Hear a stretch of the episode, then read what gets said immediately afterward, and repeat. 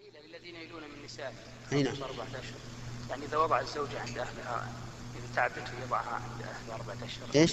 يعني معنى الآية أن يؤدبها بأن يضعها عند أهلها أربعة أشهر لا لا لا معنى الآية أن الذين يؤلون من نسائهم أن الرجل إذا حلف أن لا يتزوج أن لا يطأ امرأته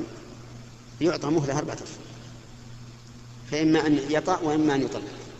لكن لو يريد أن يؤدبها يا شيخ ويضعها ما يؤدبها بهذا ما يؤدبها ب- بأربعة أشهر يعني تعب مشكلته له أن يؤدي بها بشهر مثل ما فعل الرسول عليه الصلاة والسلام لكن هل يأتم بثلاث شهور ما دام تأديبا فلا بأس لكن أربعة أشهر فما يفوق لا